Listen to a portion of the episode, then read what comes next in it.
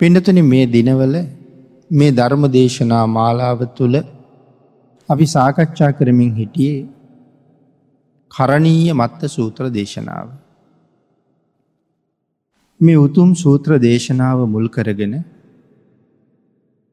අපි ධර්ම දේශනා හතරක් මිට කලින් සිද්ධ කරන්න යෙදෙන. හතරවෙනි ධර්ම දේශනාව නිමා කරපු තැන ඉඳලා අපි අද ධර්ම දේශනාව ආරම්භ කරමු.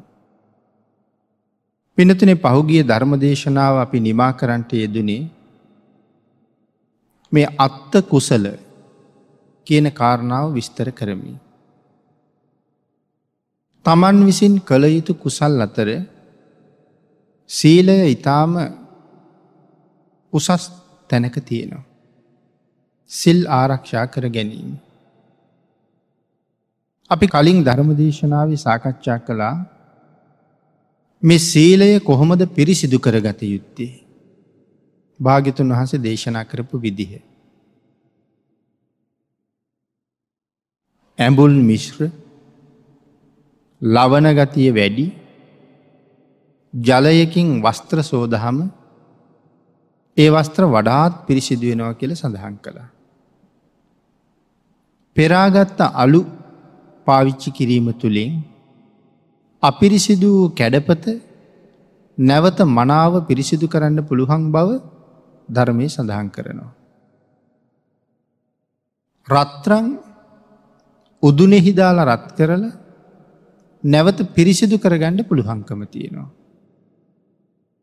ආම්ලික වූ ලවනාධික ජලයකින් හෝදලා වස්ත්‍ර පිරිසිදු කරනවා වගේ. අලු යදාගෙන කැඩපත පිරිසිදු කරනවා වගේ.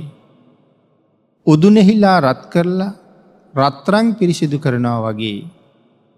නිතර නිතර ආවර්ජනය කරලා තමන්ගේ සීලය පිරිසිදු කරගන්න කියලා භාගිතුන් වහස දේශනා කරනවා. දවසකට දෙතුන් වතාවක් හතර පස් වතාවක් නමුත් නිතර නිතර තමන්ගේ සිල් මෙනෙහි කරන්න කියලා මෙතන සෙහිපත් කරනවා. යම් කටයුත්තක යම් කතාබහක යෙදිලා ඉන්න වෙලාවක සීලයට කොතන හරි පළුද්දක් වුණාද කියන කාරණාව නිතර ආවර්ජනය කරන එක ඉතාම වටිනවා. මේ කාරණාව පැහැදිලි කරලා අපි හතරවෙනි ධර්ම දේශනාව නිමා කළා. පිනතුන භාගිතුන් වහස දේශනා කරනවා ඥානය යොදාගෙන සීලයේ පිරිසිදු කරන්න කියලා. සිල් පිරිසිදු කරන්න මනාව ඥානයක් තියෙන්ට ඕනේ. ප්‍රඥාවක් තියෙන්ට ඕනේ. ඇයි මගේ සීලය කොතන හරි යම් පළුද්දකට භාජනය වනාද ආවර්ජනය කරලා ඒ කාරණාව සිහිපත් කරන්න හොඳ මතක ශක්තියක් හොඳ සිහියක් තියෙන්ටුවනි. පළුදු වෙලා නං නැවත සකස ගන්න එක ඉතා වටිනවා. බුදුරජාණන් වහන්සේ අපිට දේශනා කරනවා ඒ කොයි වගේද. සීලය ආරක්ෂා කරගණ්ඩ දරණ උත්සාහය. කිරල් මවක් එමතන් කිරල දේනුවක් තමන්ගේ බිජුවට රැකගණ්ඩ කොයි තරන් කැපකිරීමක් කරනවාද. සෙමර මුවෙක් තමන්ගේ වලිගය ආරක්ෂා කරගණ්ඩ මොනතරං උත්සාහ කරනවාද. එක පුතෙක්කින්න අම්ම කෙනෙ. ඒ පුතා ආරක්ෂා කරගණ්ඩ කොච්චර කටයුතු කරනවාද. එක ඇහැක් තියෙන කෙනෙක් ඒ ඇහැ පරිස්සං කරන්න කොයි තරම් උනන්දු වෙනවාද. ඊටත් වඩා සීලය ආරක්ෂා කරගණ්ඩ උනන්දුවෙන එක වටිනවා. මොකද මේ සීලය අපිට බොහෝම උපකාර කරනවා. මේ සසර ජීවිතයට. එ මොකක් සඳහාද. උපදින තැන තීරණය කරන්න. සීලේ වටින්නේ ප්‍රධාන වශයෙන් අපි මැරිල්ල ආපහු උපදින තැන තීරණය කරන්න මෙ සීලය අපිට බොහෝම උපකාර කරන. සීලයෙන් තමයි උපදින තැන තීරණය කරන්න. දානයෙන් කරන්නේ ඉපදුනාට පස්සේ ඒ පුද්ගලයට ලැබිය යුත්තේ මොනවද කියන එක තීරණය කරන. එහනම් මේ ජීවිතය තුළ දානයයි සීලයයි ඉතාම උසස් තැනක තියලා මනාව ආරක්ෂා කරගන්න එක අනාගත සුභසිද්ධිය සඳහා බොහෝම හේතුවෙනවා. ඒකයි මේ සීලේ ගැන මේ තරම්ම කරුණු දක්වලා තියෙන. ඊළඟට පිනතින සඳහන් කළා භාගිතුන් වහසේ දේශනා කරන මේ සිල් සම්බන්ධ කරුණ සුළුපටු නෑ කියලා. එම සඳහන් කරන්න හේතුවම අපි මරණයෙන් පස්සේ ආය උපදින බව අපි හැමෝම හොඳටම දන්නවා. නමුත් පිනතුන උපදින්ට තැන් හුඟක් තියෙනවනේ. සතරාපාය උපදින්නත් පුළුවන්. මනුස්සලෝක උපදින්නත් පුළුවන්. දෙවිය ලෝකවල බ්‍රහ්මලෝකොල උපදින්නත් පුළුවන්. උපදින්ට තැන් ගොඩක් තියෙනවා. සතරාපාය උපදිනවට අපේ කිසිම කැමැත්තක් නෑ. ඉහල දිව්‍ය තලයක බඹතලයක උපදිනවනම් අපි හරි කැමතියි. නමුත් එවන් මට්ටමකට යන්ඩ අපි ළඟ තියෙන සීලයේ කොයි තරං ප්‍රමාණවද්ද කියන කාරණාව අපිම තීරණය කරන්න ඕන. මනුස්ස තලයක උපදින්ඩත් මේ උතුම් සීලයේ අත්‍යවශ්‍යමයි. ඒ නිසයි මේ කාරණාව ඒ තරන් ශ්‍රේෂ්ඨ වෙන්නේ. පිඩතුනී මේ කාරණාව භාගිතුන් වහසේ ඒ තරන් අගේ කරන්නේ සසර සත්වයා දුගතියට අකමැති නිසා. සුගතිගාමීව ඉපදිලා ප්‍රාර්ථනා කරන උතුම් බෝධීයක් තියෙනවනං බෝධිය මුදුම් පත් කරලා මේ සංසාරයෙන් එතර වෙන්ඩ සීලයේ නැමති සාධකයේ නැතුව කවදාවත් පුළුවන් වෙන්නේ නෑ. හැබැයි සිල් ආරක්ෂා කරනව කියල කියහම අපිට හිතෙන හැටියට ආරක්ෂා කළුත්. ඒත් බලාපොරොත්තු වෙන තැනට යන්න බෑ. එනම් කවුරු කැමති විදිහට සිල් රකිින්ට වෙනවාද. බුදුරජාණන් වහන්සේ කැමති විදිහටයි ඒ සීලේ ආරක්ෂා කරන්න ඕනි. නැත්තන් අපිට විවිධ විදිහට යොදාගන්න පුළුවන් මේක. එහෙම යොදාගත්ත කියලා ඒ රැකවරණය ලැබෙන්නේ. භාග්‍යතුන් වහන්සේ කැමති විදිහ වෙන්ඩෝනේ අපි රකින සීලේ දිහා බලහම ආර්යන් වහන්සේලට සතුටක් ඇති වෙන්ඩෝනේ. මේ පුද්ගලයන් ශ්‍රේෂ්ඨයි කියලා. පිඩතුනේ සිල් පිරිසිදු නං එතනින් එහාට ඉදිරියට තියෙන ජීවිතයක් බොහොම පිරිසිදුයි. හැබැයි සිල් අපිරිසිදු නං ඉදිරියට යෑමක් නෑ. අපි යම් කාර්යක් කරනවා විතරයි. ඉදිරියක් නෑ. ආං ඒහින්ද සඳහන් කළා මේ සීලය හරියට නිකං පොළොවවාගේ කියලා. අපි හැමෝම මේ පිහිටලා ඉන්නේ මේ පොලෝ තලය උඩ. එනම් සීලයත් පොළොව වගේ කියල සඳහන් කරහම මේ සංසාරයේ සුගතිගාමී පැවැත්මත රැඳිල තියෙන්නේ මේ සීලය මත. සුගතියෙන් සුගතියට යන්ඩ කැමති කෙනෙක් සීලේ නැමති පිහිටීම අත්‍යවශ්‍ය වසයෙන්ම තමන්ගාව තියාගණ්ඩ ඕනේ. එහෙම නැති කෙනෙකුට පිහිටීමක් නෑ. පහලට තමයි වැටෙන්. මේ පොළොව තිබුණේ නැත්තං අපිත් වැටෙනවා යටට. සීලයේ තිබුණේ නැත්තං අපි පහලට වැටෙනවා කියල කියන්න සතරාපායාදී දුගතියට වැටෙනවා කියන එකයි. අංගේ නිසා සීලය තමයි ජීවිතයක අත්තිවාරම කියල සඳහන් කළා. ඒ අත්තිවාරම මත පිහිටලා මේ සසරින් එතරයම් අපිට සැලසුම් කරන්න පුළුවන්. එන්නතුන සඳහන් කළා යම් කිසි කාර්යක් සම්පූර්ණ කරගන්නකොට අපේ භාගිතුන් වහස දේශනා කරන්නේ උදේ හවස සලකලා බලලා සීලේ අනු මාත්‍ර හෝ වරද බොම පුංචි වරදක් තියෙනවනන් ඒකත් නිවැරදි කරන්න කියලා. එහෙම නැත්තං අපේ හිත හරිම වංචනිකයි. මෙ හිත හරිම වංචනිකයි. අෂ්ටාංග සීලයේ සමාදන් වුණ කෙනෙක් පන්සිල්වලින් අමතරව තවසිල් පද තුනක් සමාදන් වෙනවා. හදිසියම සිල්පදයක් පළුදුවෙන්ඩ පුළුවන්. නමුත් සමහරල්ලාට හිත හදාගන්නවා නමුත් මට පන්සිල් තියෙනවනි කියලා. එකයිනෙ පළුදුනේ තව හතක් තියෙනවා කියලා. නමුත් භාගිතුන් වහස දේශනා කරන එහෙම හිතන් දෙපා කියලා. අපි හැමදාම උපෝසතය රකින්නේන. සමහරලාට මාසකටම එක දවසයි අපි කාරණාවට යෙදින්. අතීත සැදහැවතුන් යටත් පිරිසෙන් මාසකට දවස් හයක් පූර්ණ උපෝසතයක පිහිටෙනවා.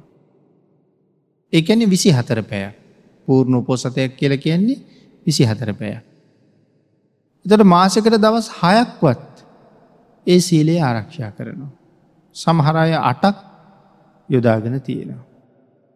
නමුත් අද වෙනකොට ඒගේ අගය අඩුවෙලා අඩුවෙල ඇවිල්ල මාසකට දවස් එකක් බවට පත්වෙලා.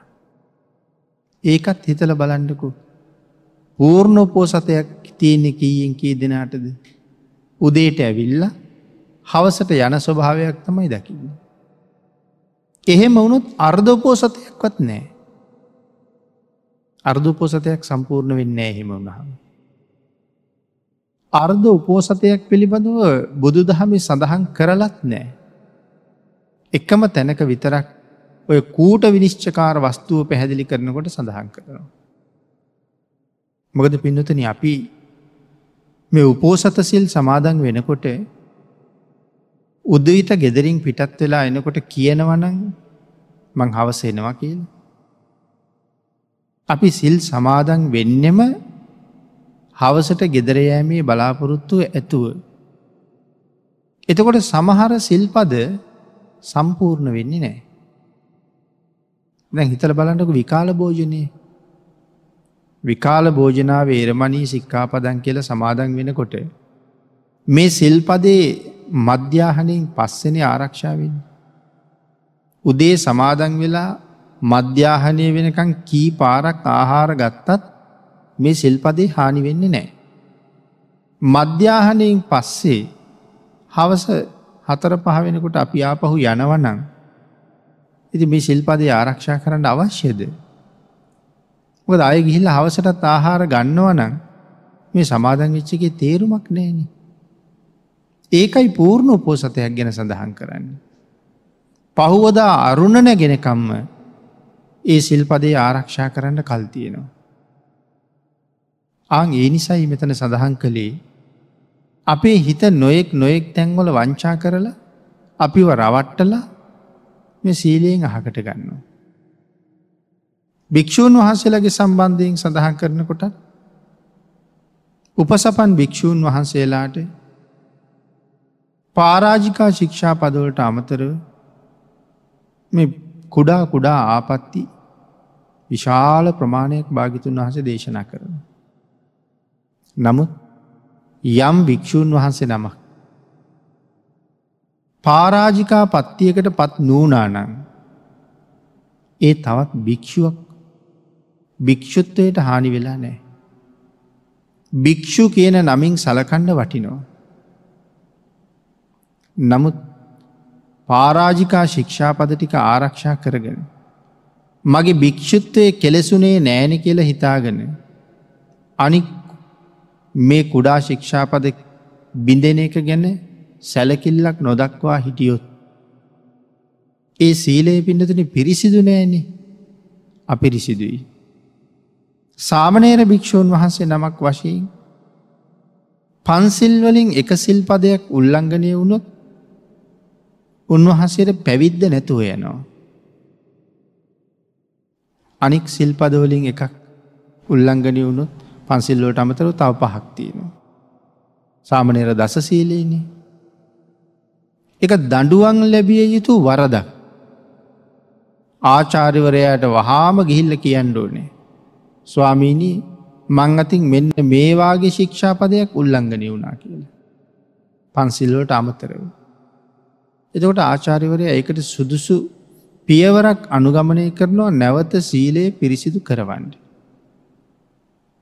දඩුවම් ක්‍රමයක් නියම කරල එයින් පස්සේ නැවත ආයිති සංවරයේ පිහිටවන්ඩ ආයිත් සිල් දෙෙනවා.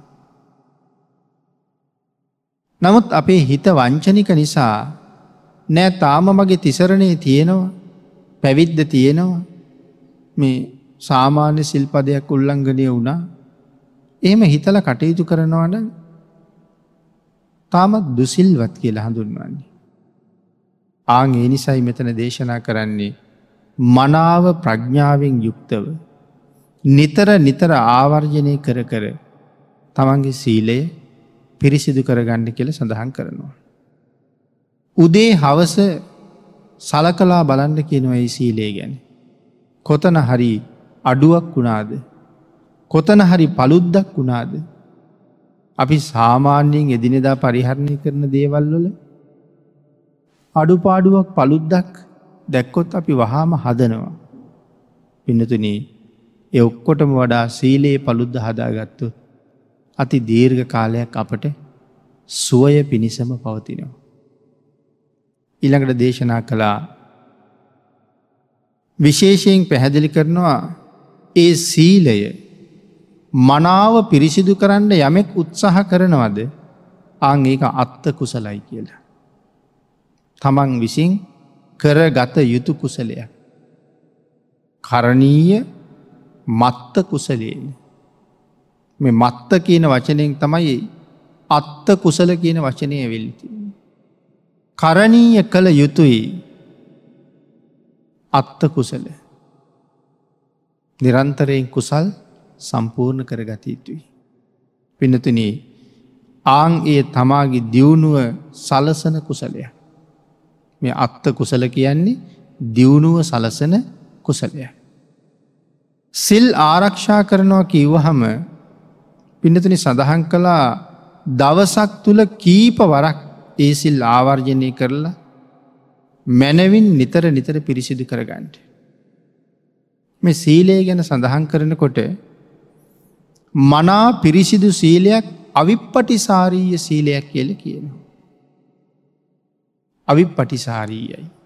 ඇයි මේ අවිප්පටිසාරීයයි කියල කියන්නේ. පිනතුන්නේ අවිප්පටිසාරයෙහි පිහිටලා කෙලෙස් විශ්කම්බනය කරන්න පුළුවන් කියල සඳහන් කරනවා.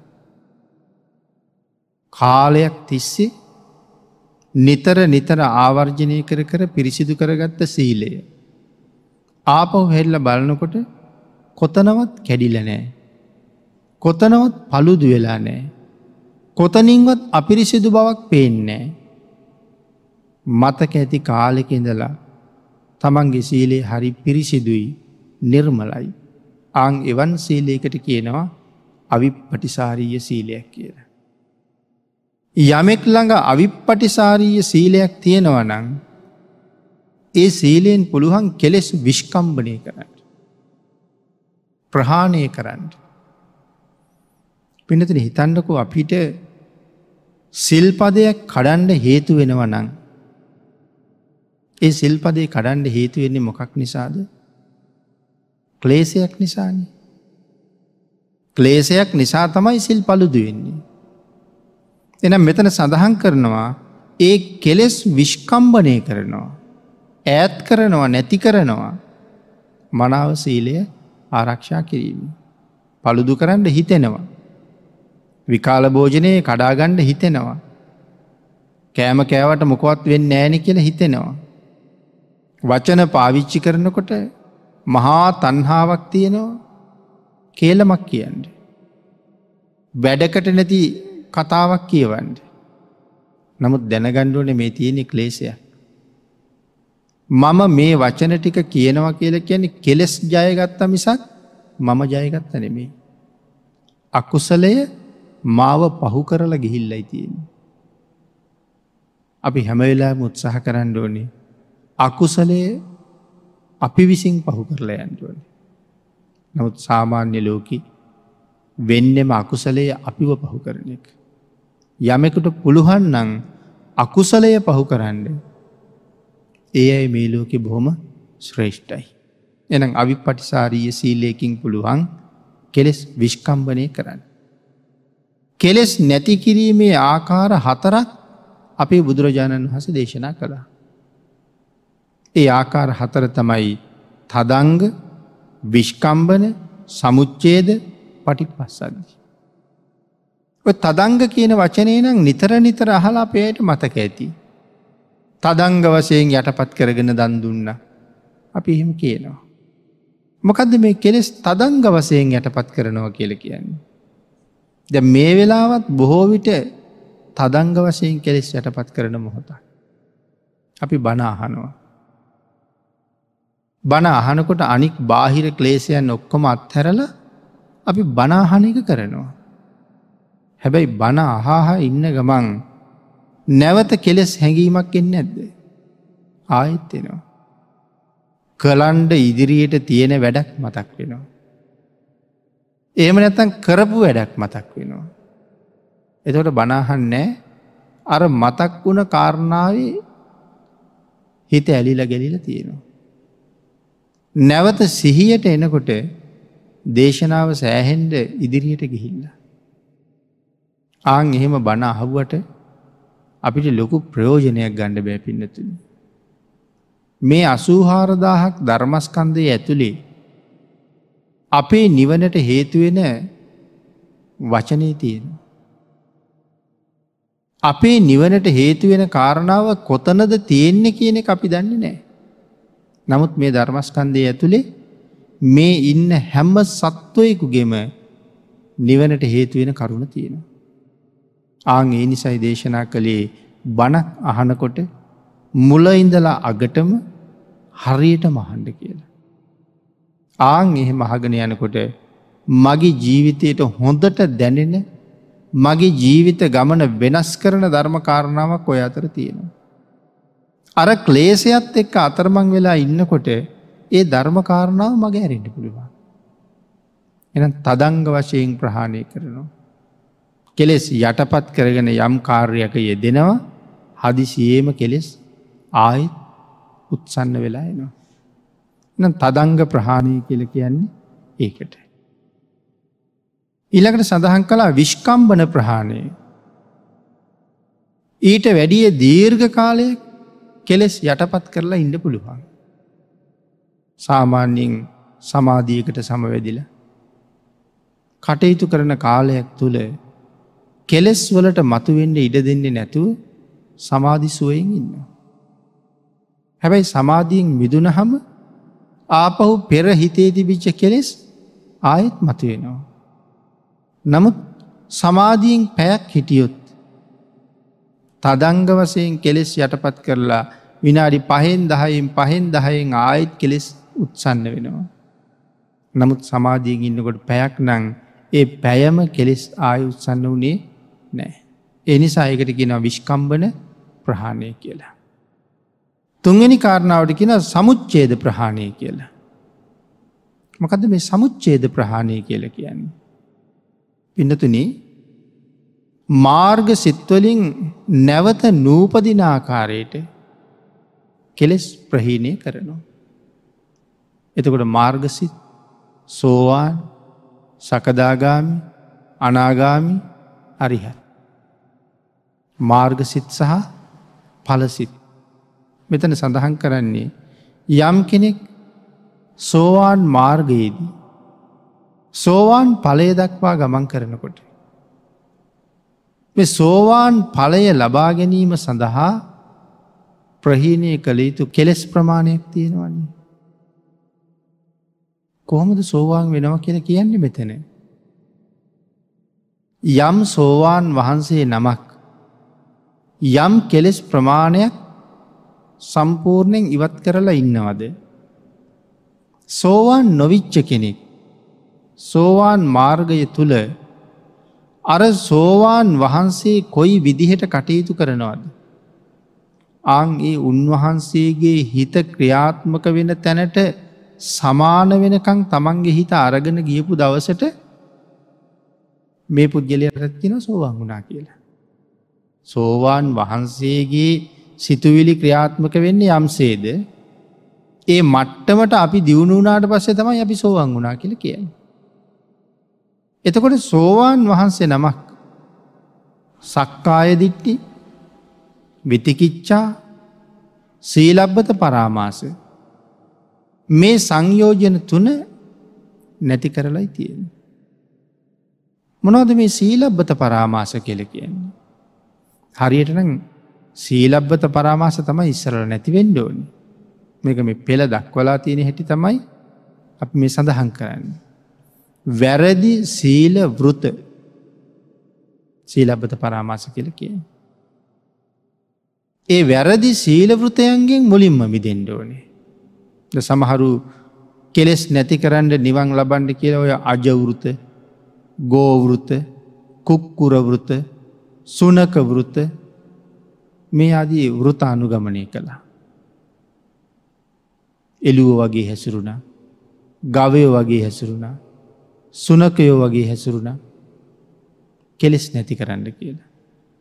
නමුත් ඒ වගේ කවදාවත් නිවනට යන්න පුළුවන්ද. අං වැරදි සීලවෘතය සීලබත පරාමස ගනීට යනවා. භාගිතුන් වහන්සේ දේශනා නොකළ දේවල් අපි ක්‍රියාත්මක කරනවා නගේ එක සීලබ්බත පරාමාස ගනයට යන්ඩ තියෙන ඉඩකඩ බොහෝම වැඩි. එතකට විතිකිච්චා කියල කියන්නේ බුද්ධාදී අට තැන පිළිබඳව තියෙන සැකය. මුලින්ම බුද්ධරතනය පිළිබඳව තියෙන සැකය. ධර්මරතනය පිළිබඳව තියෙන සැකය. ආර්ය මහා සංගරත්නය පිළිබඳව තියෙන සැකය. මේ තුනුරුවන ගැන යමෙකුට සැකයි නං ඕට කවදාවත් නිවන ගාවට යන්න බැරුව යන. මොකද තුනුරුවන් සැකයි නම් ඔහු තාම බෞද්ධ කියන තැනටවත් ඇවිල්ල නෑන පින්නතුනි. හැබැයි බෞද්ධයෙක් වෙන්ඩ අපි ළඟ තිසරණය හොඳටම තියෙන්ටුවන. ඒත් එක තව කරුණු පහක් පැහැදිලි කරනවා. බුද්ධාදී අට තැන පිළිබඳව සැකේ. අතීත භවය අනාගත භවය පිළිබඳව තියෙන සැකය මේ විදිහට කරුණු. මේ විදිහට සක්කායි දිට්ටි විතිකිච්චා සීලබ්බත පරාමාස. නැති කරලා තමයි සෝවාන් කියන තැනටාව. අපි සෝවාන් නොවී නමුත් මේ තුනම ප්‍රහාණය කරපු දවසට අපිත් සෝවන් වනා කියලා කියනවා ඒ මට්ටමට අහන්න. එතකොට තව ඉතිරි කෙලෙස් ප්‍රමාණයක් තියෙනවනේ සංයෝජන දහයෙන් තුනයි නැති කරලා තියෙන. එනම් මෙතන සඳහන් කරන්නේ සමුච්චේද ප්‍රහාණය කියල කියන්නේ මාර්ග සිත්වලින් නැවත නූපදිනාකාරයට කෙලෙස් ප්‍රහාණය කිරීම. ඒ ඒ මාර්ගවලින් ඒ ඒ කෙලෙස් ප්‍රහාණය කරන. අවසාන්ට තියෙන පටිප්පස් සද්ධි ප්‍රහාණය. මොකද පටිප්පස් සද්ධි ප්‍රහාණය කියල කියන්නේ. ඒ කියන්න පින්නතුන යම් මාර්ගයක් ලබපු පුද්ගලයෙක් පල සමාපත්තියට සමවදිනවා. සෝවාන් මාර්ගය ඉඳලා සෝවාන් පලහිටෙනවා. සෝවාන් පලයට සමවැදුන හම අර මුලින් සඳහන් කරපු සංයෝජනය කවදාවත් තමන්ට බාධා කරන්නේ. සකදාගාමී පලයට අහම එතෙක් ප්‍රහීණය කරපු සංයෝජන අය කවදාවත් තමන්ට කරදර කරන්නේ නෑ. මේ ආකාරයෙන් අරිහත් පලය ශාක්ෂාත් කරගත්ත දවසට මේ කෙලෙස් නැවත නූපදින්නම සියල්ලම ප්‍රහීණය කරලයි තියෙන. ක්‍රමක්‍රමයෙන් ප්‍රහීණය කරගෙන කරගෙන ගිල් අන්තිමට සියල්ලම ප්‍රහීණය කරලා ඉවර කරනවා. අං ඒකට කියනවා පටිප් පස්සද්ධි ප්‍රහාණය කියලා. එමනං සීලයේ පිරිසිදු කරගන්නකොට මේ ආදී වශයෙන් සිල් පිරිසිදු කරගත යුතු හැටි කරුණු වෙන වෙනම භාගිතන් වහස දේශනා කළ. ඉතින් මෙවන් තැනකට ආපු කෙනෙක් මේ ලෝකෙ හරි ශ්‍රේෂ්ඨ උත්තමයෙක් නතුයි. මේ සියල්ල කරන්ඩ තමන්ගේ හිත වසඟ කරගණ්ඩ ඕනෙන. හිත තමන්ට නතු කරගණ්ඩ ඕන. සියලු සිත තමන්ට නතු කරගත්ත කෙනෙක් මහා ශ්‍රේෂ්ඨයි කියල කීවේ. දම්ම පද එක තැනක සඳහන් කළා දූරං ගමන් ඒක චරා. දුරතියෙන අරමුණු ගන්නවා. අසරීරං ගුහාසයන් ශරීරයක් නැති ගුහාවක වාසය කරනවා. ගැන්නේ හිතට ශරීරයක් නෑ නමුත් ගුහාවක වාසය කරනවා. කොහෙද හිත වාසය කරන්නේ. විවිධ තැන් ගැන කතා කරනවා. සමහරු කියනවා හිත කුසේ තියෙනවා කියන. සමහරු කියනවා හිත මොලේ තියෙනවා කියලා. සමහරු කියනවා ඇඟ හැමතැනම තියෙනවා කියලා. නමුත් මේ හිත ඔය එක තැනකවත් නෑ. හිත රිදුනහම දරාගණ්ඩ බැරි වේදනාවක් හිතටාවහම. අපි කියනවා අහවල් ඉන්ද්‍රිය පුපුරලා ගියා කියලා. එම ඉන්ද්‍රියක් මතකද. දුක දරාගණ්ඩ බැරුව හදවත පැලුණ කියල කියන. එතකොට හිත මොලේ තියෙනව නං මොලේ පැලුණ කියන්න එපේ. කුසේ තියෙනව නං කුස පැලුණ කියන්න එපේ.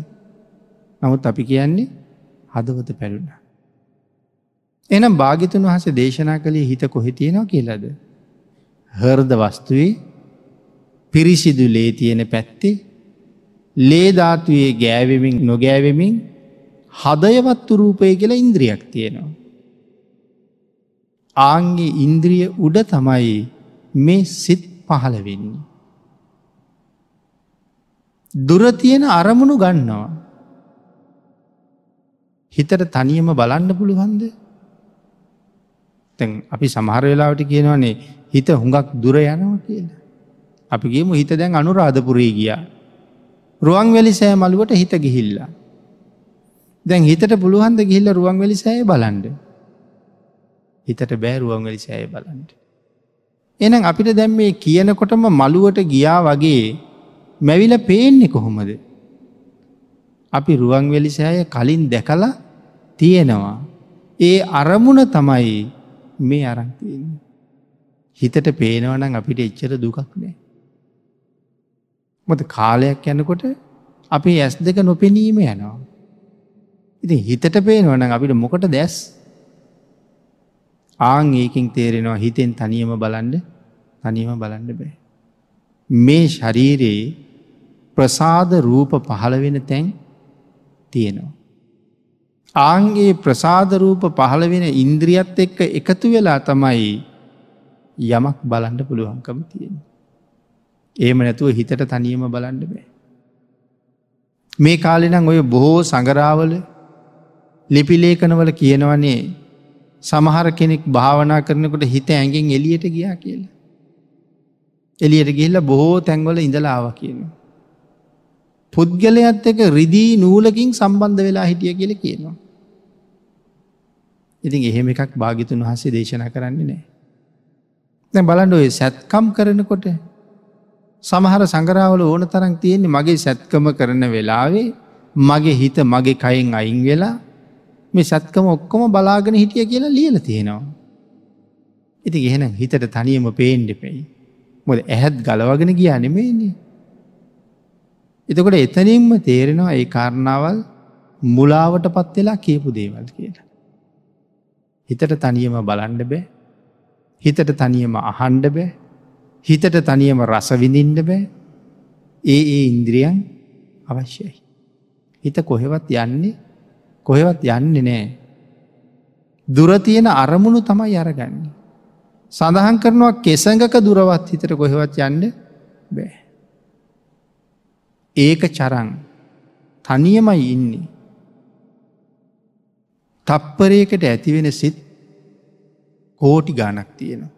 කෝටි ප්‍රකෝටි ගානක්. නමුත් කොතනවත් පොකුරු පොකුරු හිත් ඇති වෙනවද.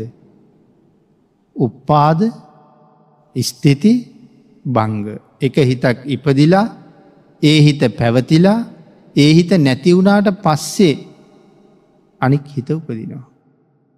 එයිද එක හිතක් තනියමම තමයි හැසිරෙන්නේ. ඒකයි ඒක චරං කියලකීවී. අපේ ශරීරයත් එහෙම්මම තමයි. අතක් ඔසවලා පාත් කරනකොට අර ඔසෝපු අත තියෙනවාද. අපිට හිතෙනවා යම් මට්ටමට අපේ අත අපේ ඔළුවේ මට්ටමට උසවන්ඩ හිතෙනවා. නමුත් මේ එසවී එසවි යන්නේ අලුත් අතක්.